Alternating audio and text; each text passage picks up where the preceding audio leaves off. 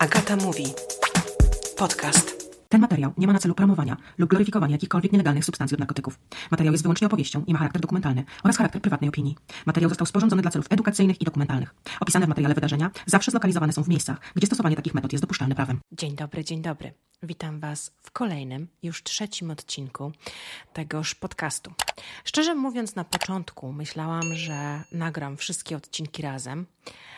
I nawet tak pierwotnie zrobiłam. A później stwierdziłam, że potrzebuję jednak trochę czasu, aby zintegrować to, co się w rzeczywistości wydarzyło. No ale dobrze. Ostatnio zatrzymaliśmy się w momencie, kiedy już myślałam, że znalazłam magiczne rozwiązanie swojego problemu.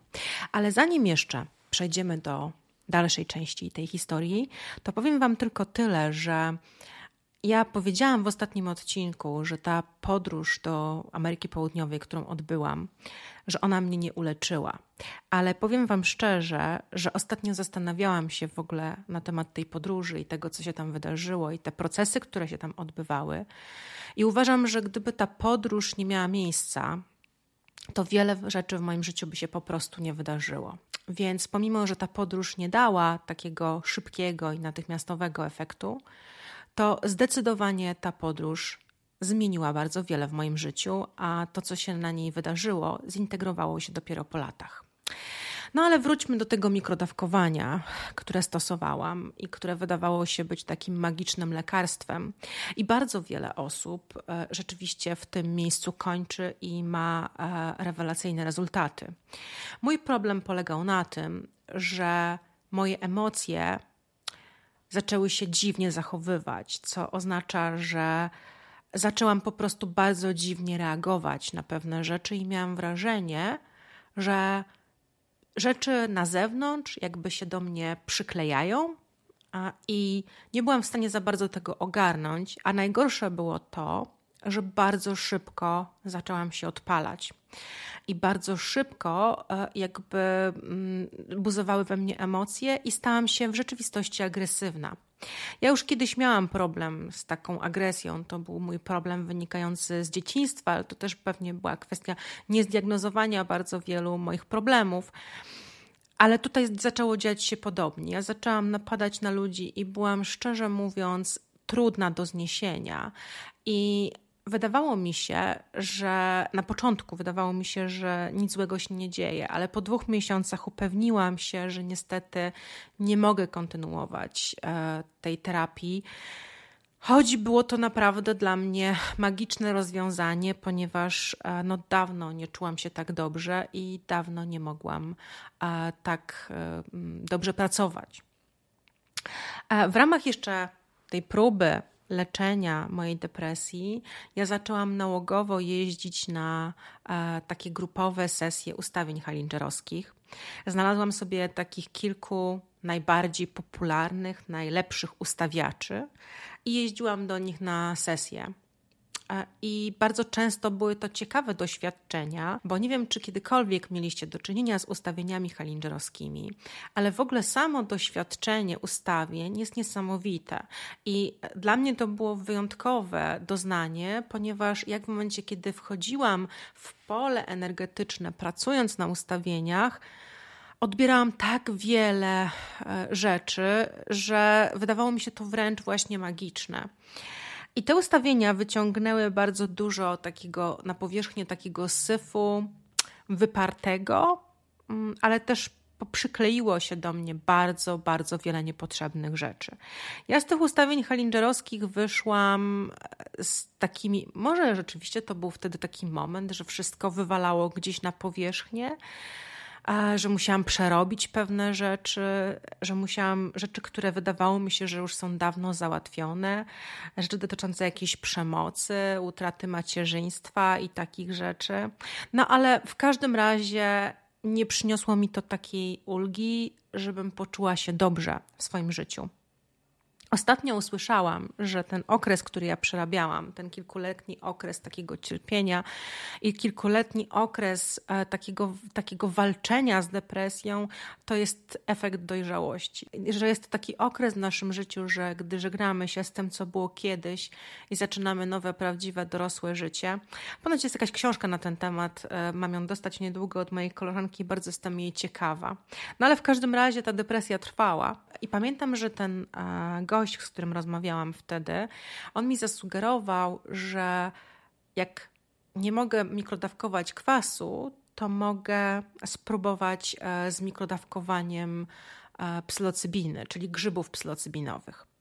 I ja Wam powiem, ja już to mówiłam i wspominałam w moim odcinku o świętych dzieciach, że ja nie wiem dlaczego, ale ja od e, samego początku miałam jakiś problem e, ze stosowaniem grzybów i jakby wydawało mi się, że to jest absolutnie nie dla mnie. I oczywiście, jak to w życiu bywa, chociaż w życiu ponoć nie ma przypadków, mm, Znowu się rozwaliłam na moim treningu i znowu miałam jakiś problem, i trafiłam wtedy do mojego fizjoterapeuty, i on mi wtedy wszystko wytłumaczył, jak to jest z tymi grzybami, co, gdzie, jak i tak dalej.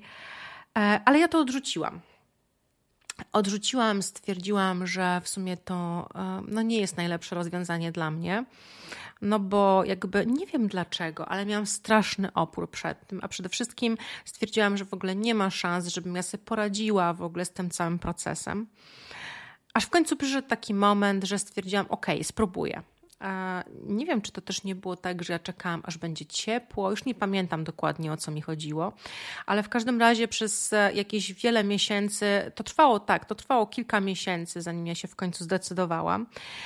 No i się udało. Mm, zdecydowałam się i na samym początku zaczęłam eksperymentować e, z mikrodosingiem, czyli tym samym, co robiłam poprzednio. I tutaj powiem Wam szczerze, że to była porażka od samego początku e, do końca. Nie udało mi się osiągnąć naprawdę dobrego rezultatu. Podejrzewam, że problem wynikał z tego, że nie miałam dobrej wagi, że te, te dawki, które przyjmowałam, były za duże.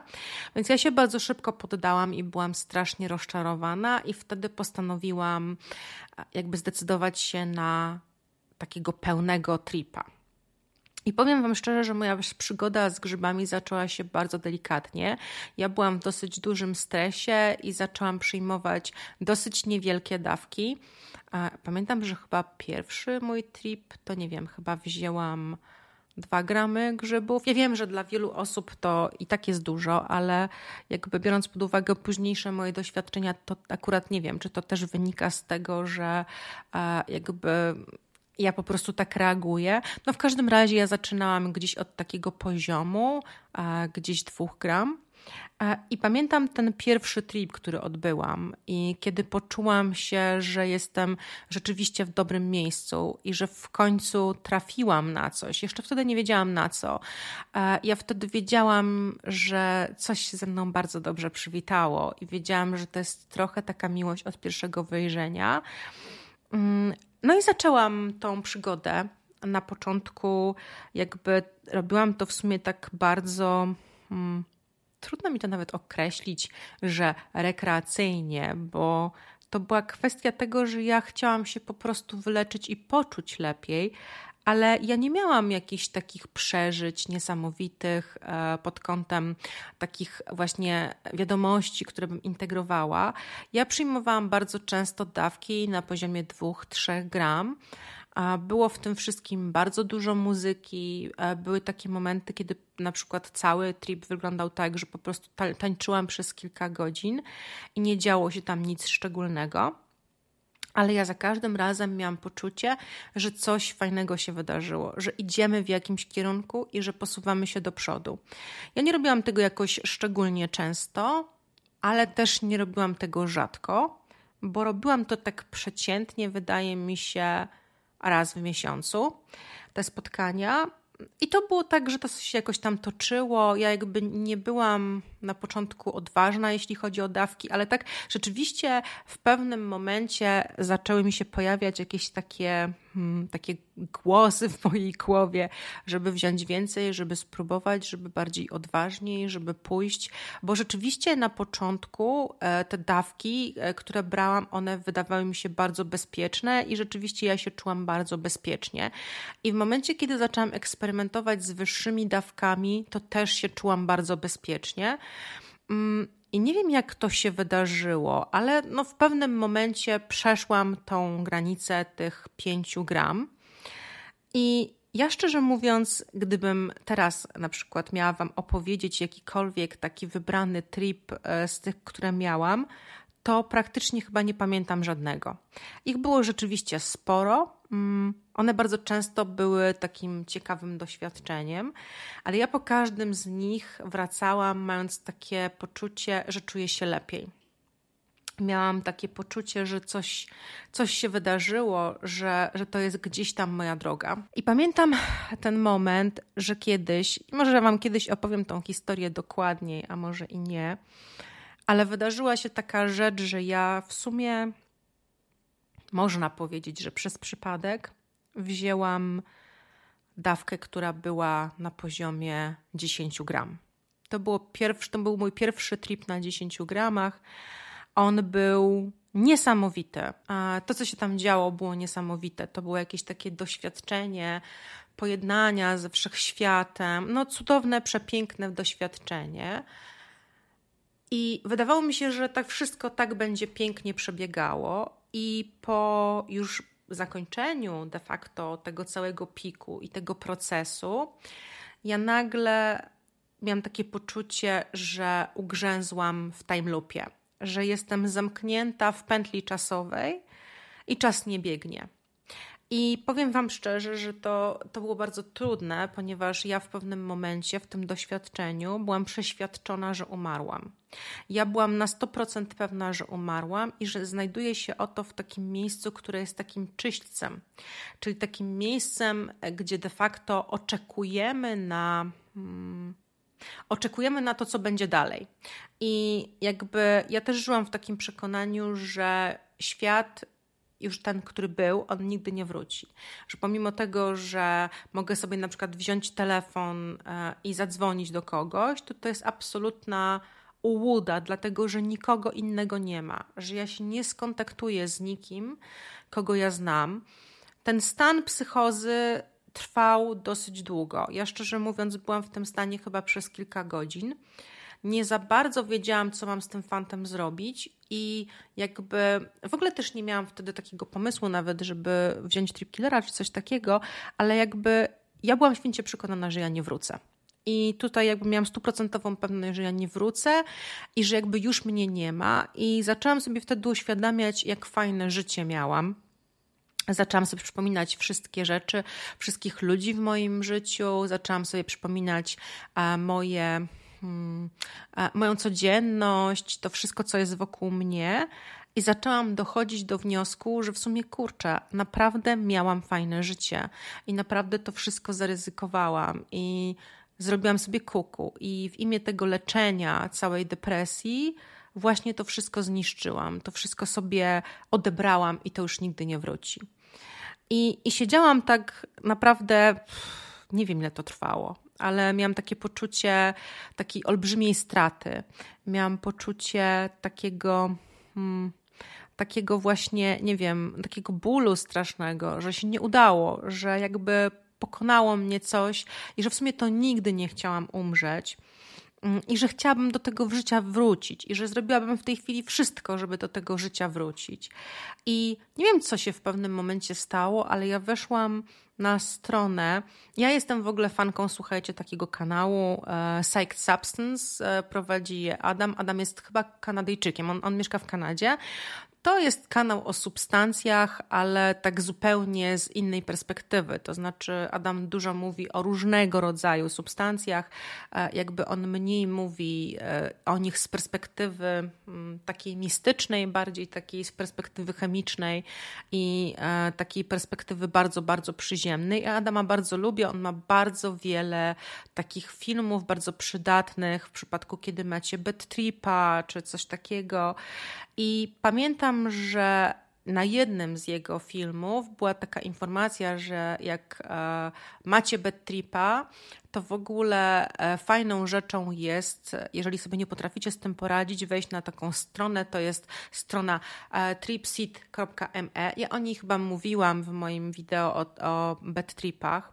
Ja na tą stronę weszłam i tam e, spotkałam kogoś, bo tam jest taki pokój e, czatowy, gdzie można właśnie wejść w takiej sytuacji i tam ponoć zawsze ktoś jest. Ja weszłam, powiedziałam, napisałam tam na tym czacie, że, że po prostu, no nie wiem, gdzie jestem i tak dalej i w jakiej sytuacji. I nie wiem, kto to był. Wydawało mi się, że to była dziewczyna, ale w sumie nie jestem tego do końca pewna. I ta osoba mnie z tego wszystkiego gdzieś powoli wyprowadziła.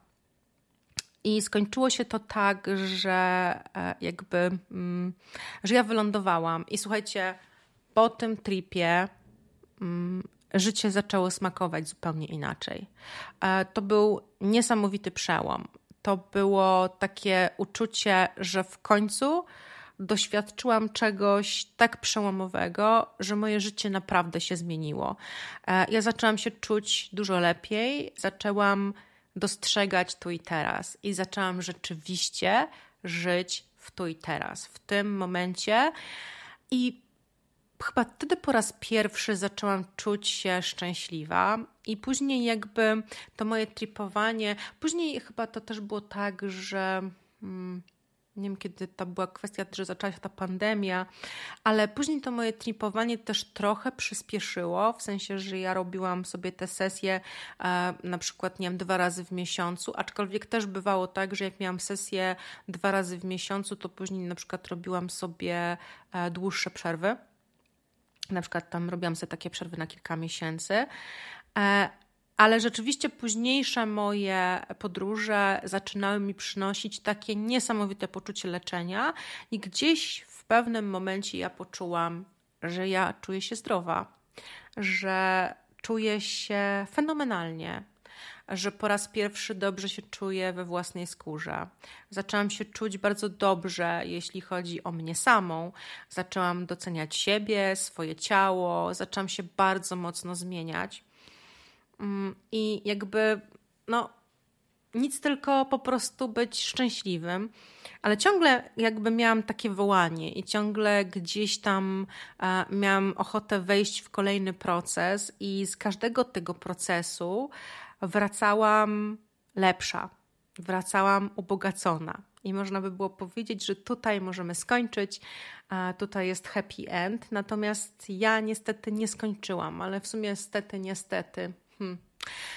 W sumie stety, że nie skończyłam, bo jakby to wszystko ma taki głębszy sens, bo to leczenie okazało się jakby dużo bardziej wymagające i to, że potrzebowałam tego dużo więcej. Ale już był taki moment właśnie, kiedy czułam się bardzo dobrze i stwierdziłam, ok, pokonałam depresję. I w pewnym momencie to był chyba znowu trip na 10 albo na 11 gramach. Ja wiem, że te największe przełomy właśnie u mnie działy się z reguły na tych dawkach. Mm, I to był taki trip, który po prostu przetrzepał mnie srogo. To była sytuacja taka, ja nie chcę tutaj wchodzić w szczegóły, czego to dotyczyło, bo to później zawsze wywołuje jakieś durne dyskusje pod tytułem kto co zrobił źle. Bo szczerze mówiąc, jak coś się wydarzyło, to się po prostu wydarzyło, a szczerze mówiąc, w momencie, kiedy znajdujemy się pod wpływem, to ciężko jest nam e, myśleć racjonalnie o pewnych sprawach. I ciężko nam czasami racjonalnie jakby się zachowywać, bo w momencie, kiedy wpadamy w psychozę, to bywa trudno. I tutaj doświadczyłam e, chyba najtrudniejszej w moim życiu psychozy, takiej, z której nie potrafiłam wyjść. Nie potrafiłam tego wyoddychać, nie potrafiłam tego wymedytować. Byłam przerażona. A nie wiedziałam, dlaczego to się dzieje. Nie, nie, do, nie rozumiałam w ogóle tego wszystkiego. To, co się tam wydarzyło, było dramatyczne. I to był rzeczywiście chyba najgorszy trip, który ja miałam w życiu. Szczerze mówiąc, jak nawet myślę w tej chwili o tym tripie, to, e, to mam ciarki na plecach. Nie chciałabym do tego nigdy wracać. I to była sytuacja taka, kiedy w pewnym momencie powiedziałam sobie: Nie dam rady. E, nie dam rady, nie wytrzymam. Miałam wtedy w szufladzie mm, Xanax, e, zażyłam ten Xanax jako trip killer i tyle. Wróciłam poczucie powrotu po tym, nie wiem czy to wynikało z tego doświadczenia, czy z samego przyjęcia Xanaxu, ale szczerze mówiąc, chyba wynikało też z tego tripu, bo ja bardzo często słyszę to samo zdanie od ludzi, którzy wracają po takich bad tripach, mm, że mają poczucie kaca że mają poczucie kaca, które potrafi się utrzymywać przez kilka tygodni. ja też miałam takie poczucie kaca, które utrzymywało się może nie przez kilka, ale na pewno gdzieś tak ponad tydzień.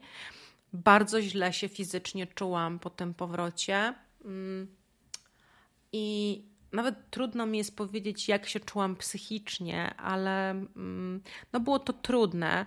Z jednej strony, słuchajcie, ja wiedziałam, że ja bardzo dużo dostałam. Ja wiedziałam, że jakby gdzieś zaczęłam się obwiniać i zaczęłam się zastanawiać, czy może właśnie powinnam się była w pewnym momencie zatrzymać? Czy może jakby poszłam gdzieś za daleko i oberwałam? Czy, czy to jest tak, że po prostu mamy jakąś ograniczoną ilość wiedzy i rzeczy, które możemy doświadczyć i w pewnym momencie po prostu musimy się zatrzymać? Trudno mi tu jest w tej chwili dywagować na ten temat e, i jak jest w rzeczywistości no ale to się wydarzyło i nie mogło się już odstać, tak? I można sobie było dyskutować, dlaczego, po co, na co. Mm. I wtedy dużo osób zaczęło mi mówić, że no ja się w ogóle bardzo mocno zmieniłam pod takim pozytywnym kątem, że dużo więcej jest we mnie szczęścia, życia, ludzie mnie wypytywali. Mm. I ja jakby części ludziom mówiłam otwarcie, skąd jakby nastąpiło moje wyleczenie, e, jakie metody stosowałam, jakie środki stosowałam u bardzo wielu osób budziło to zrozumienie, ponieważ były to osoby, które już były na ścieżce medycyny, no ale część osób jakby patrzyła na to tak trochę z niedowierzaniem i zastanawiały się, skąd się to wszystko bierze. Ale ja miałam w sobie takie poczucie, mm, no takie poczucie trochę strachu, i zaczęły wracać do mnie jakieś takie mocne lęki. Miałam takie ewidentne objawy stresu pourazowego, bo ja sobie, słuchajcie, wtedy po tym bad tripie obiecałam, że e, jakby okej, okay, dobra, oznacza to, że poszłam o jedną ścieżkę za daleko, zrobiłam coś nie tak, może po prostu trzeba było już pozostać w tym miejscu.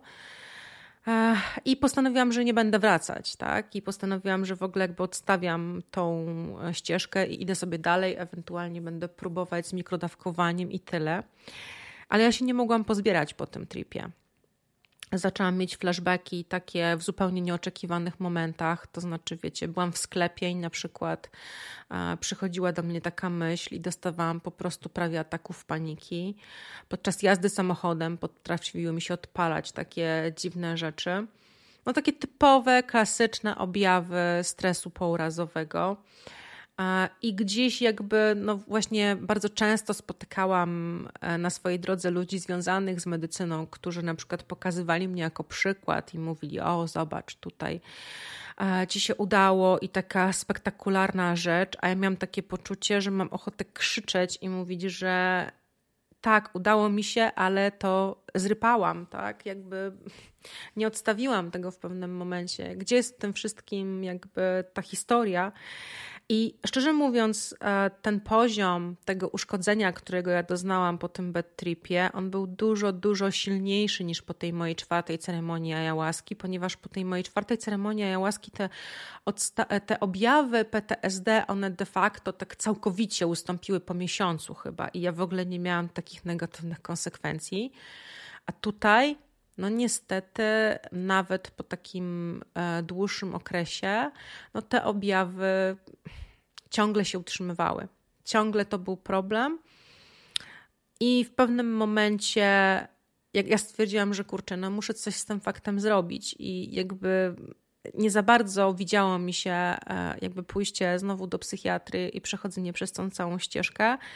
A, więc postanowiłam wrócić i stwierdziłam, że okej, okay, jeżeli jest coś takiego na tym świecie, co mnie poharatało i co gdzieś e, jakby mnie uszkodziło, to znaczy, że to też ma potencjał do tego, żeby mnie uleczyć. Ja wiem, że może w pewnym momencie wydaje się to pokrętną logiką, ale ja szczerze mówiąc bardzo mocno nadal w to wierzę. I stwierdziłam, że okej, okay, ja spróbuję wrócić dokładnie e, do tego momentu, w którym skończyłam, czy może nie, może nie chciałam wracać do tego momentu, w którym skończyłam, bo ja w ogóle nie chciałam wracać do tego miejsca, w którym byłam. Ja chciałam po prostu mieć jakiś proces, który by mnie uleczył. I z taką intencją też e, zdecydowałam się na kolejną podróż. I tutaj jakby wzięłam już zdecydowanie niższą dawkę, stwierdziłam, że ok, poczuję się bezpiecznie, a wzięłam dużo, dużo mniej. Mm, no i stwierdziłam, że ok, na pewno się uda i na pewno będzie wszystko ok. No i słuchajcie, niestety w tym momencie wróciłam dokładnie do tego samego piekła, do tego samego momentu. I szczerze mówiąc, byłam czułam się koszmarnie. E, jakby e, stwierdziłam, że okej, okay, zrobiłam sobie znowu po raz kolejny krzywdę, zrobiłam sobie po raz kolejny kuku. Wróciłam dokładnie w to samo miejsce, do tego samego piekła i nie ma dla mnie ratunku. I po raz kolejny usłyszałam w swojej głowie: Dobra, teraz to już nie wrócisz. Teraz to już naprawdę spieprzyłaś na całego. Mm, i nie ma dla ciebie ratunku. I to był, słuchajcie, moment, w którym stwierdziłam, że okej, okay, biorę po raz kolejny Xanax, wracam i nigdy w życiu tego gówna już więcej nie wezmę, bo to jest trucizna, to nie jest dobre, to nas niszczy. I miałam już ten Xanax w rękach i nie wiem, co się stało. Nagle przyszedł na mnie taki olbrzymi spokój ale po prostu poczułam, jak moje całe ciało, takie rozedrgane, miałam przyspieszone bicie serca i nagle poczułam taki spokój. Po prostu moje rozedrgane serce się uspokoiło i jakby znalazłam się w bardzo dobrym miejscu w mojej głowie i tylko usłyszałam taki głos, że czego potrzebujesz, żeby przez to przejść? I ja zaczęłam płakać i zaczęłam mówić, że. A, i usłyszałam jeszcze między innymi, że to jest coś, przez co musisz przejść.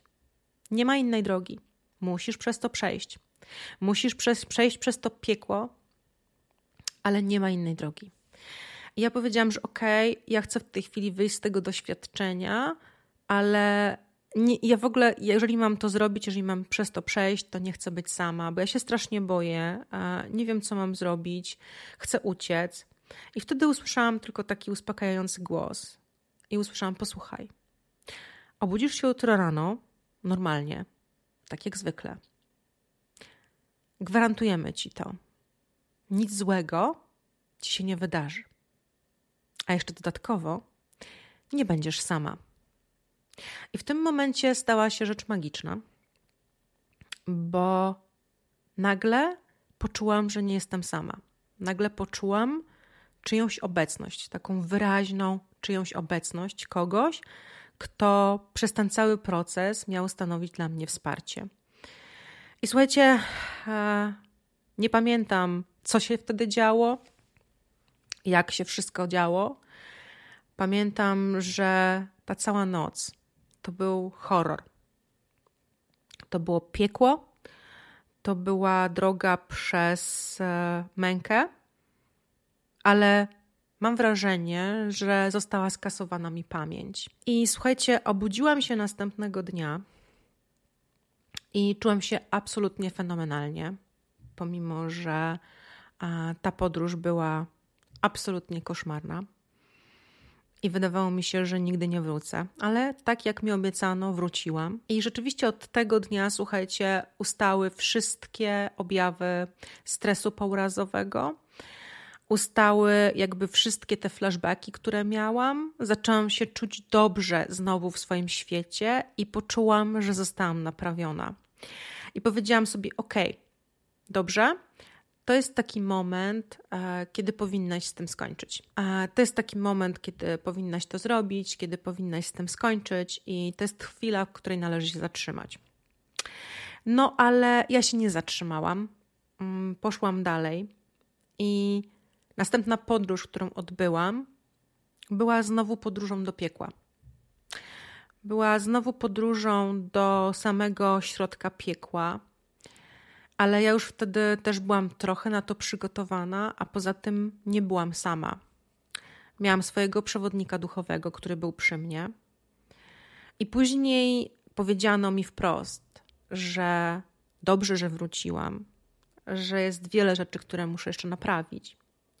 Ale żeby to wszystko naprawić i żeby przez to przejść, to muszę przejść przez barierę nieistnienia. I to była ta chwila, kiedy ja Wam zresztą o tym opowiadałam, nagrałam o tym wideo, o tej mojej śmierci, śmierci ego. Ja szczerze mówiąc, nawet trudno mi jest powiedzieć, jak nazwać to doświadczenie, bo ja mam wrażenie, że tą śmierć ego e, przeżywałam wielokrotnie, ale to doświadczenie jakby było hmm, czymś bardzo, bardzo trudnym, ale jednocześnie przepięknym. Było chyba to jedno z najpiękniejszych i najbardziej transformujących doświadczeń, jakich doznałam z użyciem medycyny roślinnej. I szczerze mówiąc, bardzo długo się przed tym doświadczeniem broniłam, bo pomimo tego, że jakby wiemy, że nie należy kontrolować, że trzeba puszczać, to szczerze mówiąc, teraz chyba za każdym razem, jak przychodzi do mnie śmierć, to gdzieś pojawia się takie poczucie, że, że jednak się bronię. A wtedy broniłam się strasznie. Broniłam się rękami i nogami. I pamiętam, że ta, ta obrona Miałam wrażenie, że trwała godzinami, a później sprawdziłam, że w sumie ta moja obrona trwała chyba normalnie w realnym czasie, chyba około godziny. Nie godziny, tylko 10 minut. A miałam wrażenie, że to były godziny jakieś długie. No i w końcu się poddałam. Przeszłam przez tą barierę nieistnienia i zgodnie z tą rekomendacją przeszłam jakby na drugą stronę. I to było przepiękne jak w momencie, kiedy jakby pokonałam e, ten moment, to zaczęło się robić pięknie. Nagle poczułam e, taką przecudowną ciszę w swojej głowie. Nagle poczułam, że ten wewnętrzny lektor, który jakby towarzyszył mi nieodmiennie przez większość mojego życia, zniknął. I moje życie znów nabrało przepięknych barw. Czułam się absolutnie fenomenalnie, czułam się uzdrowiona i miałam wrażenie, że to jest koniec mojej ścieżki i że przynajmniej na pewno ani razu nie wrócę już do piekła. No ale czy tak było? Czy rzeczywiście nie wróciłam już więcej do piekła? To słuchajcie, o tym opowiem Wam w kolejnym odcinku. Mam nadzieję, że uda mi się go jakoś niedługo nagrać, bo słuchajcie, ostatnio e, zagłębiłam się w ogóle w lekturach książek i w lekturach, nawet nie w lekturach, głównie po prostu chodzę i słucham audiobooków i totalnie mnie gdzieś pochłaniają te historie, że czasami nie mam ochoty opowiadać własnej. Dobra, słuchajcie, bardzo się cieszę, że tutaj byliście ze mną do końca. Mam nadzieję, że Was nie zanudziłam i spotykamy się oczywiście w kolejnym odcinku podcastu. A tymczasem, słuchajcie, żegnam się z Wami już dzisiaj i do usłyszenia, do zobaczenia. Buziaki i papa.